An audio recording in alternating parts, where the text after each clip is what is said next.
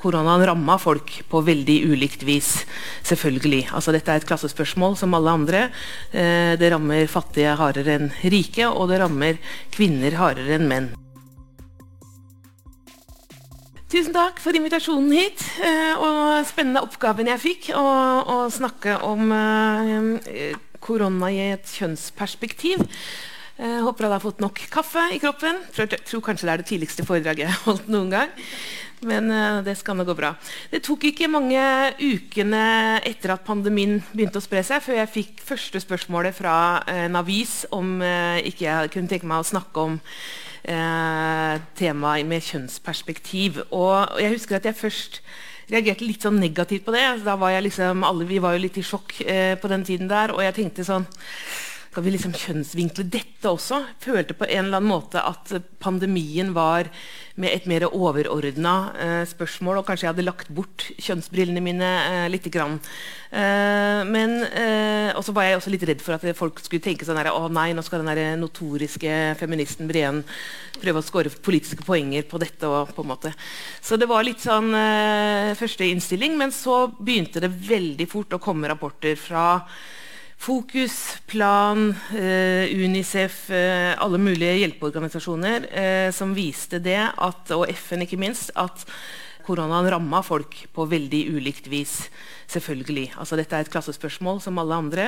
Det rammer fattige hardere enn rike, og det rammer kvinner hardere enn menn.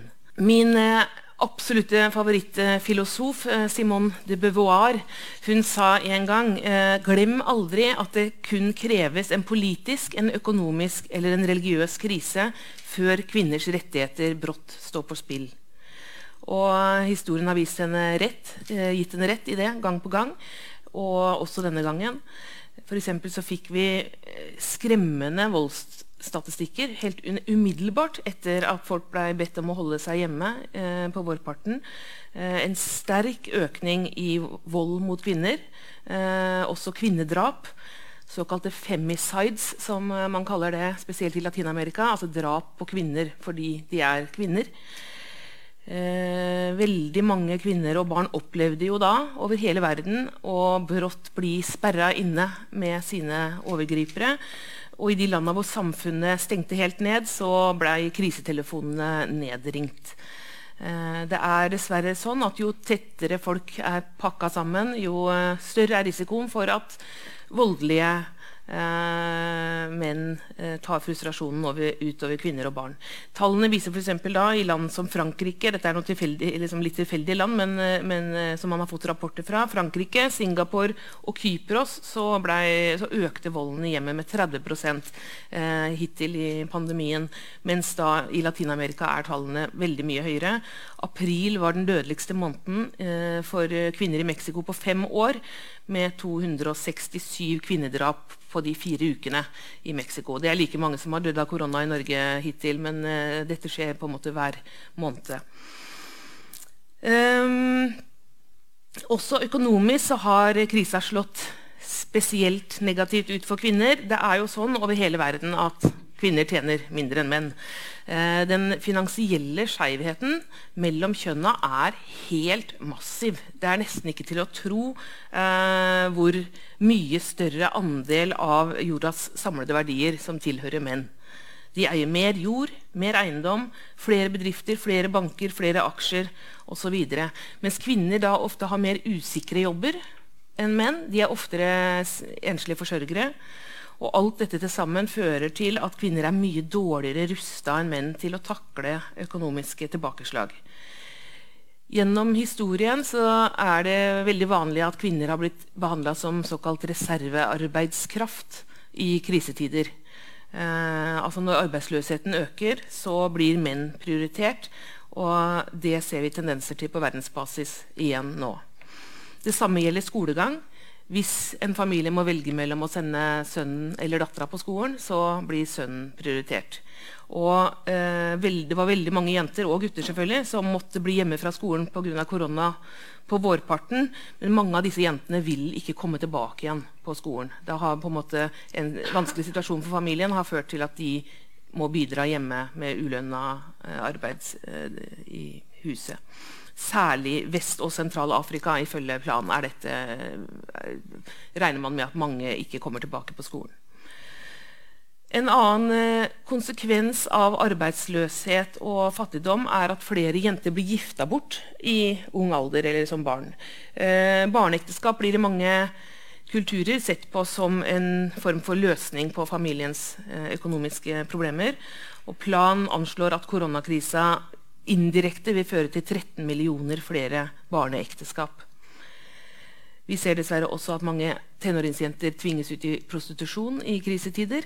Eh, og samtidig som muligheten for å ta eh, trygge aborter er blitt eh, kraftig svekka under denne pandemien.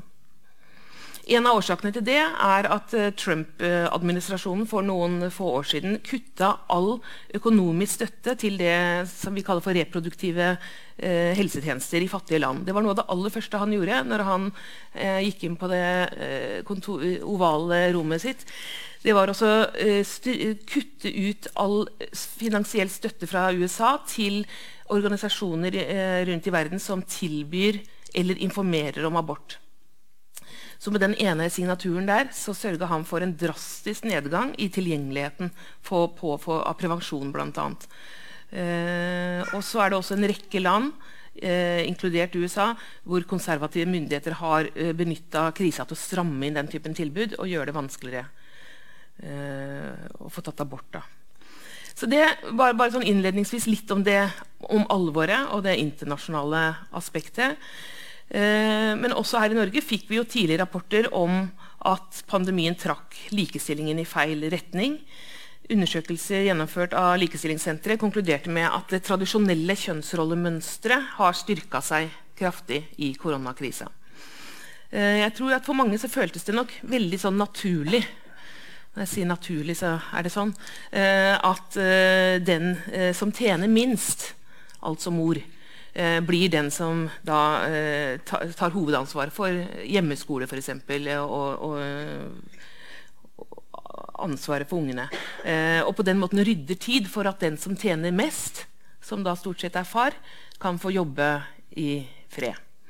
Eh, når store deler av samfunnet stengte ned og familielivet ble veldig intensivert, som vi sikkert mange kan kjenne igjen, så eh, blei det jo også mye mer av det eh, vi kaller for ubetalt omsorgsarbeid. Eh, barnepass, aktivisering av unger, eh, matlaging, innkjøp. Eh, alt det der. og, så Kvinner rapporterte i Norge også veldig fort at de gjorde mye mer av dette som de allerede gjorde mest av fra før.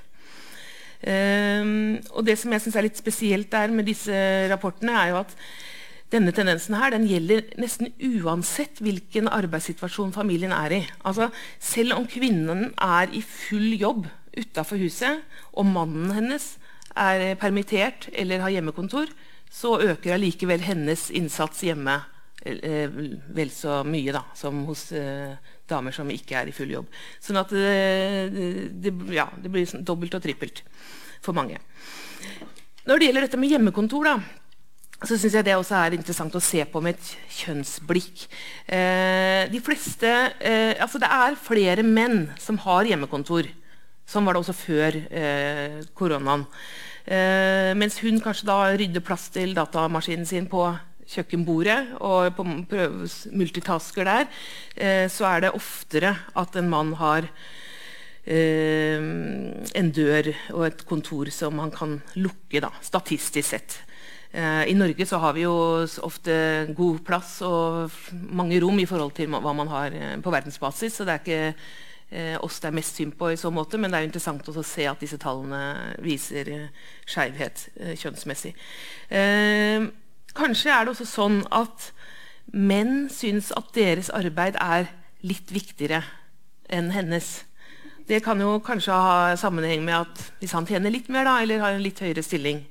Eh, og jeg tror vel også at det kanskje er sånn at det er litt lettere for barna å forstyrre mamma enn pappa. At det også henger litt igjen. At det er, det er liksom du, uh, uh, Det er litt lettere å bare ikke se, det, Man tenker ikke så mye at hun er på jobb, eh, fordi hun er jo hjemme. Eh, og da er man jo der for å hjelpe. Um, så dette er iallfall noe av de utsagnene som folk har kommet med i undersøkelser uh, i Norge om hjemmekontor. Eh, visste dere at eh, altså De to første månedene av eh, pandemien så brukte vi 76 mer penger eh, på hvetemel enn tilsvarende periode i fjor. Det er, eh, det er, en, det er en, stor vekst. Mm. Og 145% mer på rugemel. Jeg skrev en bok eh, for noen år siden som het 'Hele Norge baker ikke'. men det trekker jeg tilbake, altså. Det er, altså alle baker. Det er det første som ble utsolgt eh, i mars, var jo gjær. Og gjennom hele året jeg vet ikke om dere har sett det, så har sosiale medier vært fulle av sånne prektige lambrød og foccacciaer med blomsterpynt. Har dere sett det? Det er veldig, Nå skal det være kunstnerisk. Så det er um, selv, eh, selv, om brødbaking eh, ja, det er en økende interesse blant menn, har jeg lest. I, jeg har aldri sett det, men jeg har lest det. Eh, men allikevel så er det i hvert fall da, fremdeles kvinners hoveddomene. Da, både matlaging og brødbaking i, i norske hjem. Eh, eh på, I kvinne, kvinnebevegelsen på 70-tallet begynte man å snakke om dette som eh, het dobbeltskift. Eh, det vil si, man, mange kvinner eh, hadde jo vanlig lønnsarbeid på dagtid, og så kom man hjem og tok dagens andre skift, som var eh, da alt det ulønna arbeidet i hjemmet. Hente i barnehagen, handle mat, lage middag, vaske klær osv. I dag så er den typen hjemmearbeid heldigvis mye jevnere fordelt mellom kvinner og menn. Kvinner gjør fremdeles mest, men menn i min generasjon og nedover har tatt veldig innpå. da. Så det er positivt. Det siste tiåret har derimot likestillingsforskerne fått øye på nok et arbeidsskift. og Det er det de kaller for det tredje skiftet. Eh, noen snakker også om det som emosjonelt arbeid. Og det handler om selve organiseringen av familielivet. Eh, i motsetning til mer sånn konkret husarbeid, som jeg nevnte, så er dette her mer, det blir ikke registrert i disse tidsbruksundersøkelsene til Statistisk sentralbyrå. Eh, men det fyller likevel kvinners tid og ikke minst hoder. Eh, dere veit, ikke sant? Nå, husk at Maja må ha nye sko på SFO, og hvilken størrelse bruker hun egentlig, og har vi skaffa kostyme til det karnevalet? Vi må ha nytt ullundertøy, nå er det meldt eh, minusgrader. og Husk at den kaka som må bakes, og den må være glutenfri. Ser ikke håret hennes litt fett ut nå? Jeg tror vi må si at hun må dusje i kveld. Så må vi kondolere naboen, for mora hans er jo død. Og så må minne ungene på å skrive ønskeliste til mormor. Og hvilket hus i Harry Potter er det egentlig Sander tilhører? Er det Gryffindor, eller er det Høffelpuff var det. Og så videre og så videre. Og dette kverner. Eh, et sånn usynlig omsorgsarbeid som pågår hele tiden, og som er eh, usynlig. Og hvis eh, man glemmer det, da, så er det ofte kvinner som får mest dårlig samvittighet. Altså Hvis du glemmer å sende med pølser når det er grilling på skolen, eller hvis du glemmer gymbagen, så, så sitter det som en sånn klump gjennom dagen. En, eh, en, del forfattere har begynt å skrive om denne blinde flekken i det siste. har jeg lagt merke til En liten sånn husarbeidbølge i norsk litteratur. Nina Lykke for eksempel, har skrevet en del om dette i uh, sin siste bok. Veldig morsom, morsomt, men trist er det uh, å, å, lese disse Nå var det Heidi Linde som skrev en bok hva hun snakker om når hun snakker om husarbeidet. Linde sier et intervju med Tara hun har snakka mye om dette i det siste i mediene. veldig gode intervjuer. Eh, hun sier at hun syns ikke det er noe rart dette her at kvinner har høyere sykefravær enn menn, fordi det går på mental belastning, overbelastning av all denne kverna. Eh, og så sier hun man kan jo ikke sykemelde seg fra familien. Og det er jo kanskje det man trenger. Det, det, hjelper ikke å legge seg på sofaen hvis liksom alt arbeidet er i det rommet. Så, jeg leste en annen bok om dette temaet også. Eh, den amerikanske journalisten Gemma Hartley eh, har skrevet en bok som heter 'Fed Up'. Eh, jeg leste den svenske versjonen. Den heter 'Så jævla trøtt'. Eh, anbefaler den. Veldig eh, god bok. Eh, det hun var så trøtt på, da, var å være både administrerende direktør og HR-ansvarlig i sitt eget hjem. Nå er det store forskjeller på likestillingsfeltet i USA og Norge. absolutt, og Det, det, det merker man også når man leser den boka. Eh, men jeg tror likevel at mange med meg vil kjenne igjen mye av det hun skriver om. For eksempel, da, eh, så forteller hun eh, at ektemannen hennes veldig ofte da han eh, overser eller bare skritter over ting som ligger rundt og venter på å bli rydda eh, vekk ligger ting i trappa. da, og Når det ligger der, så er det jo for at man skal, nestemann som går opp trappa, skal ta det med seg opp og legge det på plass. Men han bare liksom skritter over. Det gjør jo alle de, de små familiemedlemmene også. Men, men, eh, men, eller en gymbag som ligger midt på stuegulvet. Søppelpose som ligger i gangen. Bare, det ser ikke ut som plage han overhodet at uh, disse tingene er helt malplassert. For det er jo bare å gå rundt. Det er liksom, Hva er problemet? Det er bare å skritte over. Og da, eh, Når hun da kritiserer ham for det innimellom, så, så blir han liksom litt sånn herregud, du kunne bare bedt meg om å rydde det på plass. Og så bare Nei, men det er jo nettopp det. Jeg har ikke lyst til å be deg om å gjøre det. Jeg vil at man skal gjøre det på eget initiativ. For man, det å være sjefen å være den som skal delegere alle oppgavene, det er ikke en jobb vi har bedt om, som vi har lyst på. egentlig. Det er bare sånn at noen må gjøre det, og alle syns at det er mest naturlig at det blir deg. Fordi du vet jo best. Uh, vet hvordan det skal være. Dette med moderne menn som sagt har tatt godt innpå, uh, og det er blitt mye bedre på de siste 30-40 åra. Uh, som moderne menn hjelper mer enn gjerne til. Men det handler ofte om at du må fortelle kanskje hvordan du vil ha det, eller hvor ting er. Eh, og svare på spørsmål underveis. Hvil, hvilke tallerkener skal jeg bruke? Liksom, er dette nok smør? Hvor er slikkepotten? Hvor har vi kardemomme? Hvor vil du ha eh, denne skåla? Skal jeg skjære opp eh, gulrøttene på langs eller på tvers? Sånn, Samme faen det, vel! Roper vi veldig sjelden. Så det Ja, en liten utblåsning, da. Eh, tilbake til um, krisa. Eh, jeg prøvde å tenke litt rundt dette her med hva gjør den med oss som mennesker.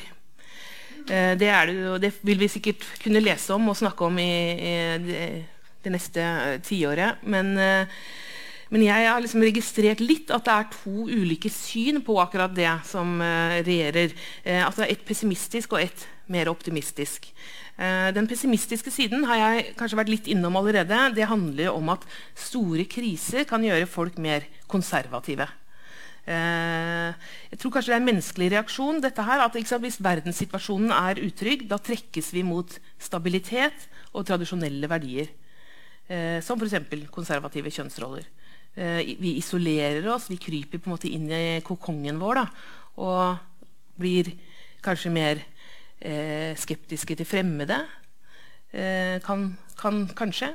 Eh, at de gamle enhetene styrkes, som nasjonen, kjernefamilien. Kanskje blir vi mer eh, At vi støtter mer opp om autoriteter. Eh, blir mer lydige mot myndighetene. Dette vil i så fall være en reaksjonær bølge. Og så er det den andre teorien, de som ser på dette som et uh, mer positivt veiskille. Uh, det var jo mange som fikk et pusterom eh, fra det såkalte hamsterhjulet når eh, dette satte inn. Eh, og mange satte kanskje mer pris på det enn de hadde trodd. Eh, etter at det første sjokket la seg, og så var det mange som syntes det var deilig at det stoppa opp litt. Danske Susanne Brøgger, en av mine store favoritter, som jeg var så heldig å få intervjue på denne scenen for noen år siden. Det er høydepunkt i karrieren. Hun snakka om dette positive i et intervju og sa at Eh, hun mente nå at den gamle verden er forbi og kommer aldri igjen. Noe nytt kan begynne. Et nytt livssyn vil vinne frem under stor smerte. Den snevre egoismens tid er forbi, og den store sammenheng åpenbares gjennom dette bitte lille virus. Så det var jo måtte jeg bare ta med meg, for det var uh, veldig optimistisk. Men det hun sikta til, var jo både altså Det var jo handla om klima. Det, plutselig så kom jo målingene om at lufta var blitt veldig mye reinere uh, når alle flyene sto på bakken. Uh, men hun snakka også om at liksom, våre verdier er i ferd med å endre seg. Nærmest fra en dag til den neste så var det jo litt sånn at man innså at det er faktisk ikke pengeverdiene som er de virkelige verdiene når alt eh, kommer til alt. Eh, det som derimot ble sett på som viktig, eh, var virksomheter som helse, omsorg, eh, pleie, behandling. Altså sykepleiere, hjelpepleiere, renholdere. Og, og det er jo 70 av eh, de som innehar disse stillingene på verdensbasis, er kvinner. Så vi lærte et nytt begrep kritiske samfunnsfunksjoner. Det vi vanligvis liksom bare har sett på som underbetalt tradisjonelle kvinneyrker, viser seg å være kritiske samfunnsfunksjoner. Og dette er yrkesgrupper som har gått på jobb hver dag det siste året for å redde liv, eh, for å holde samfunnet i gang, og som har utsatt seg selv for fare, fare for, å, for at vi andre skal være trygge. Så det har vært mye velfortjent applaus som har gått i, i den retningen. Eh, men nå kommer naturligvis også kravene om at eh, disse yrkesgruppene fortjener høyere anerkjennelse også i økonomisk form. Eh, eh, bedre arbeidsvilkår. De som jobber i helse- og omsorgssektoren, må ha en lønn å leve av. Og hele faste stillinger og pensjon fra første krone. Det er noen av kravene som mange støtter opp om. Eh, kanskje mer enn før etter dette. Eh, så kanskje blir dette et tidsskille der det å jobbe i helsesandaler blir like fint som det å jobbe i slips. Det høres nesten ut som en sånn linje fra Elinors vise. Så det syns jeg hadde vært eh, fint om det endelig slo til. En annen mulig positiv bivirkning kan være at dersom trenden med hjemmekontor fortsetter, så kan det føre til at færre kvinner må jobbe deltid Uh, muligens. Fordi mange har jo valgt å jobbe deltid nettopp for å få dette, denne tidsklemma til å gå i hop. Uh, altså når alle skal ut av huset hver eneste dag, og det er reisevei og henting og bringing og ærender, så har kvinner valgt å trappe ned på jobb. Uh, men hvis én eller begge voksne jobber hjemmefra og har mer fleksibilitet på den måten, så kan det jo hende at flere kvinner kan jobbe i, i full stilling. Husker dere alle disse medieoppslagene eh, som handla om at de landene som klarte seg best i koronakrisa, alle hadde, altså én ting til felles, og det var at de ble ledet av kvinner. Eh, jeg tror det var, ja, det var Tyskland, New Zealand, eh, Norge, Danmark, Finland og Taiwan, faktisk. Eh, om det er tilfeldig eller ikke, vanskelig å si. Eh, men det er iallfall ingen tvil om at de landene som har klart seg verst har vært ledet av menn, og ikke bare menn, men også voldsomt macho-menn. Eh, bøllete macho-menn. Eh, mange autoritære statsledere har jo simpelthen lukka øynene for pandemien og nekta for at viruset eh, i det hele tatt eksisterer. Eh, I hvert fall at det har kommet til deres land. Noen har til og med også nekta for at de har vært smitta sjøl. Bolsonaro i Brasil bl.a. Han uh, insisterte jo på å kalle covid-19 for en sånn skarve for forkjølelse når hans egne landsmenn døde som fluer. Så noen av verdens verste diktatorer har bidratt til å spre smitte gjennom sin passivitet. Uh, de skylder på hverandre, de skylder på Vesten, på Kina, på WHO Forfatteren Erika Fatland, som også er eh, her i Stavanger eh, på festivalen, hun skrev en veldig god artikkel om disse folka her eh, i Morgenbladet for en stund siden. Bl.a. om presidenten i Turkmenistan. Eh, Idet andre land begynte å hamstre smittevernutstyr, så beordra han i stedet at alle offentlige plasser skulle desinfiseres med rot, røyken fra en syrisk vinrot. Så det er en plante da, som blir brukt i turkmenske ritualer. Det, det burde være nok, mente han. Eh, og Samtidig fikk han fjerna ordet koronavirus fra alle offisielle helsebrosjyrer. Eh, I nabolandet Tadsjikistan er det ikke så mye bedre. Der eh, prøvde man også å fjerne måte, info om pandemien fra offentligheten. Og i, slutten av mars så ble tusener av skoleelever og studenter tvunget til å delta i en mange timer lang koreografert festforestilling i forbindelse med det persiske nyåret, da, selv om WHO tagg dem om å la være. Så en del sånne avgjørelser eh, har som sagt vært med på å spre det hele. Det, jeg tror Mye av dette skjer fordi denne typen patriarkalske ledere er veldig redde for å tape ansikt. Det er på en måte en del av deres eh, eh, DNA. De vil helst komme med gode nyheter. For de tenker at gode nyheter det eh, beviser jo deres egen fortreffelighet som eh, ledere. Og smitte det forbinder de med svakhet og skam. Så da velger man den verste løsningen av alle fornektelse. Dessverre så ser det ut som at den typen politikere er på frammarsj internasjonalt i veldig mange land. Eh, så har, ser vi eksempler på da at eh, F.eks. så bruker mange av disse denne anledningen til å prøve å løfte fram et mer konservativt familieideal. Det har vi sett.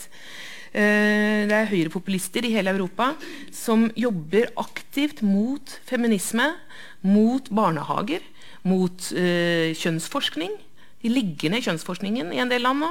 Og mot det de kaller for LHBT-ideologi.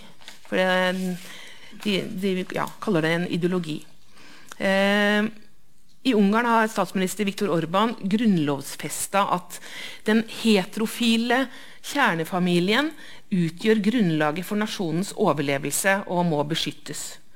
Uh, han har lovet at alle kvinner som får fire barn eller flere, slipper å betale inntektsskatt som om man har så mye inntekt å snakke om hvis man har fire barn eller flere. Eh, I Russland er det nå forbudt å snakke om eh, homofili med unge mennesker. Eh, jeg besøkte landet for et par år siden med boka 'Kvinner i kamp', som har et kapittel om homofili. Den er jo plasta inn i, USA, nei, i Russland og har 18-årsgrense. Eh, må vise legitimasjon på at du er over 18 år for å få kjøpe denne boka, som er gitt ut på Cappelens barne- og ungdomsavdeling. Eh, men jeg møtte da mange fortvilte unge mennesker. Eh, vi holdt foredrag på skoler og videregående og studiesteder som forteller at de levde i skapet og så for seg å gjøre det resten av livet. Eh, det syns jeg er sørgelig. Den polske høyresida har gjennomført en stor anti-gender-kampanje de siste par-tre åra. Der driver de og sprer myter om såkalt nordiske tilstander. Eh, det er det vi lever under. Eh, altså De syns jo vi er gærne. ikke sant? Det, de sier da, for eksempel, og dette er myndighetene, de sier at uh, i Norden så tvinges alle til å si 'hen' i stedet for 'han' og 'hun'. Og smågutter blir tvunget til å gå i kjole. Så sprer de den typen forestillinger. Høres ut som Kjetil Rollnes på testosteron, liksom. Men uh, altså jeg tenker at det, det, virker jo som disse patriarkene Det de drømmer om, da, er å gå og skru tida tilbake til den gangen kvinner var kvinner og menn var menn. Og det vil si en gang hvor, da, liksom, hvor kvinner var helt avhengig av sine ektefeller, eh, hjemmeværende, og ingen hadde hørt om LHBT. Uh, en skrudd form for nostalgi. I min nyeste bok, eh, 'Hvordan bli en skandinavisk feminist', eh, så skriver jeg en del om disse kreftene her. Som eh, jeg syns det er viktig at vi som eh, innbyggere i eh, et trygt eh, demokrati jobber aktivt mot. Den er jo da egentlig skrevet den Eh, hovedsakelig skrevet for utlandet, selv om den funker i Norge òg. Uh, dessverre altfor godt. Det er mange som ikke har fått med seg alt dette her i Norge heller. Men den er skrevet for eh, det internasjonale markedet. Og, og, Grunnen til at den kom i stand, var jo denne boka jeg nevnte, 'Kvinner i kamp'. En tegneseriebok som jeg lagde sammen med illustratør Jenny Jordal. Som handler om feminismen de siste 150 åra. Hvordan vi har vunnet rettigheter på verdensbasis. Kampen for utdannelse, for å få bestemme over sin egen kropp, for å tjene egne penger. Mens jeg skrev den boka, så husker jeg tenkte at, at, mye av dette her er nok ganske kjent stoff. Jeg tenkte at nordmenn vet jo dette, og veldig mange vet jo om denne kampen. Eh, men så skjønte jeg ganske raskt da at nei, det er ikke tilfellet. Uh, ungene lærer veldig lite om det på skolen. Uh, og det fins heller ikke så mange andre bøker som oppsummerer uh, den feministiske bevegelsen på en sånn lettfattelig måte.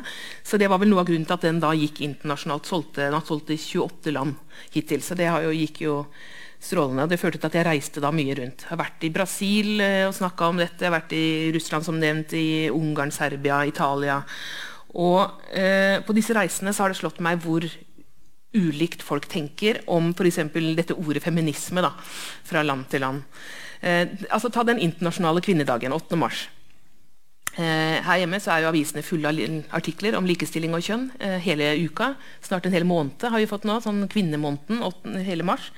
Eh, både for å på en måte man løfter fram aktuelle kampsaker, men også bruker dagen for å feire de seierne vi har bak oss. Men, så det ble veldig sånn kontrast for meg som er vant til det, når jeg besøkte de andre landene som, som ofte behandler eh, kvinnedagen som en blanding av valentine og morsdagen. Det er på en måte sånn de ser på det. Eh, man ser på det som en anledning til å gi kvinnen i sitt liv en blomsterkvast. Liksom. Eh, tusen takk for eh, innsatsen på kjøkkenet i året som gikk. Jenta mi, ja. Nei, eh, jeg, det var da jeg, jeg, jeg, sa i et intervju at jeg ville blitt provosert hvis jeg hadde fått en sånn hjerteforma sjokoladeboks på, på 8. mars. Da ble det en sånn helsidig VG hvor det sto «Eh, 'Jeg blir sint hvis jeg får sjokolade'. ja, ja. Men eh, ja, grunnen til at de liksom drysser sukker på og lager sånne rosa små kort eh, på 8. mars i, i, mange land, er jo at feminisme blir sett på som så kontroversielt. Eh, så eh, og det er jo også, Enten jeg er i Serbia eller en bygd på Sørlandet, så opplever man det. At man, altså, eh, det kommer engasjerte kvinner og sier at, meg, at man blir stigmatisert for å jobbe med disse temaene. Uh, utdaterte fordommer lever i beste velgående. Det er veldig mange som tenker at feminister er surere, bitrere, styggere, et eller annet uh, enn en andre. Uh, og det, eh, for meg så er det sånn, det å hevde at man er imot feminisme, det synes jeg høres like rart ut som å si at man er mot antirasisme. Altså, er, eh, Å være feminist det betyr at man deltar i kampen mot sexisme. Man deltar i kampen mot kjønnsdiskriminering. Det burde være eh, ukontroversielt og selvsagt i 2020, syns jeg. Eh, du kan selvsagt være uenig i det en feminist sier. Er, du kan ha et helt annet politisk ståsted enn det en feminist sier, men uten at det betyr at du er mot feminisme som sådan.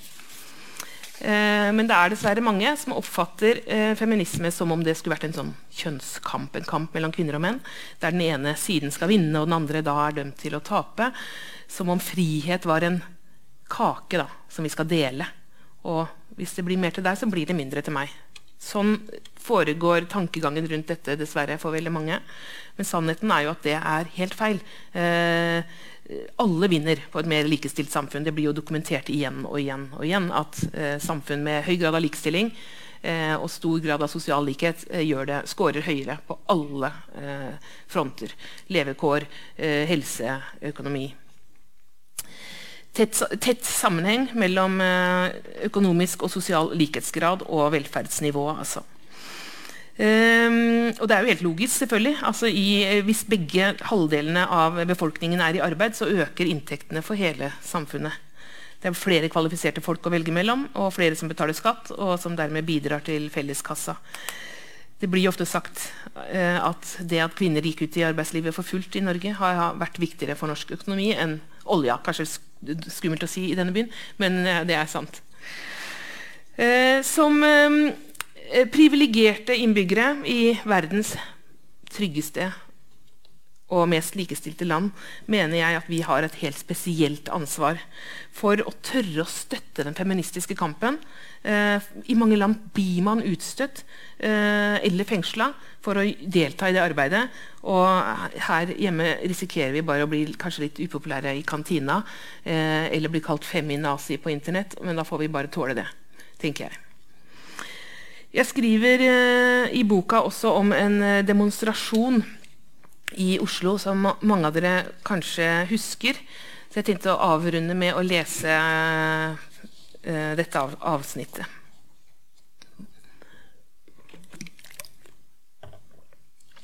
En eh, snøtung januardag i 2019 troppa en gjeng norske feminister opp på Slottsplassen i Oslo iført røde kapper og hvite hetter.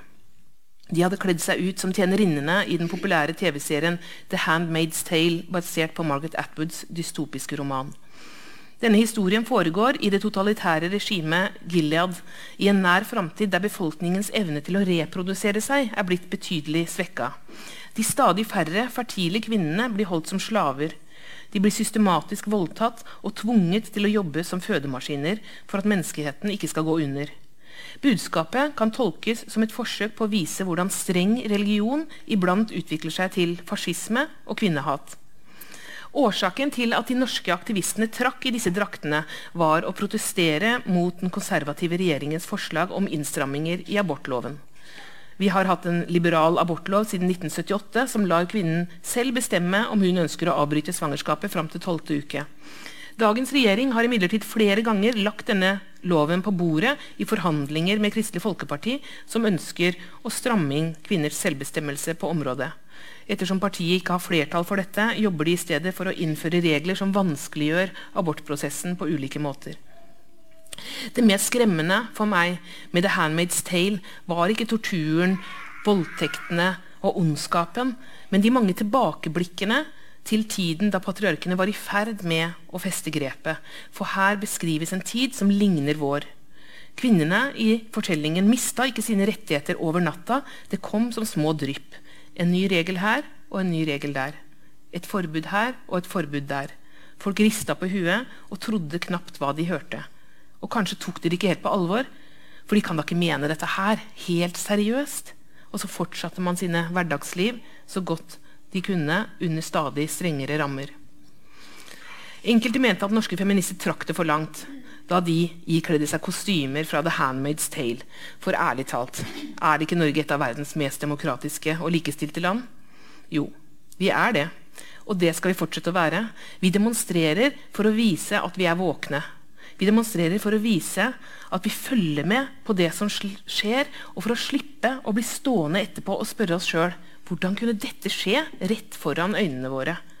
Vi demonstrerer fordi vi kan, og vi demonstrerer på vegne av de som ikke lenger kan. Vi må kjenne igjen tilbakeslaget og kvinneforakten som skjuler seg bak lovord om å styrke kjernefamilien og tradisjonelle verdier. Nå er det viktigere enn noen gang at vi feminister står sammen på tvers av landegrensene, og at vi ser hverandre. Det er kun hvite, heteroseksuelle menn som kan ta seg råd til å være nostalgiske. For alle andre er det lite inspirasjon å hente i fortida. For oss er det framtida som gjelder. Vi kan ikke lene oss for trygt tilbake, for likestilling er ferskvare. Glem aldri det. Takk.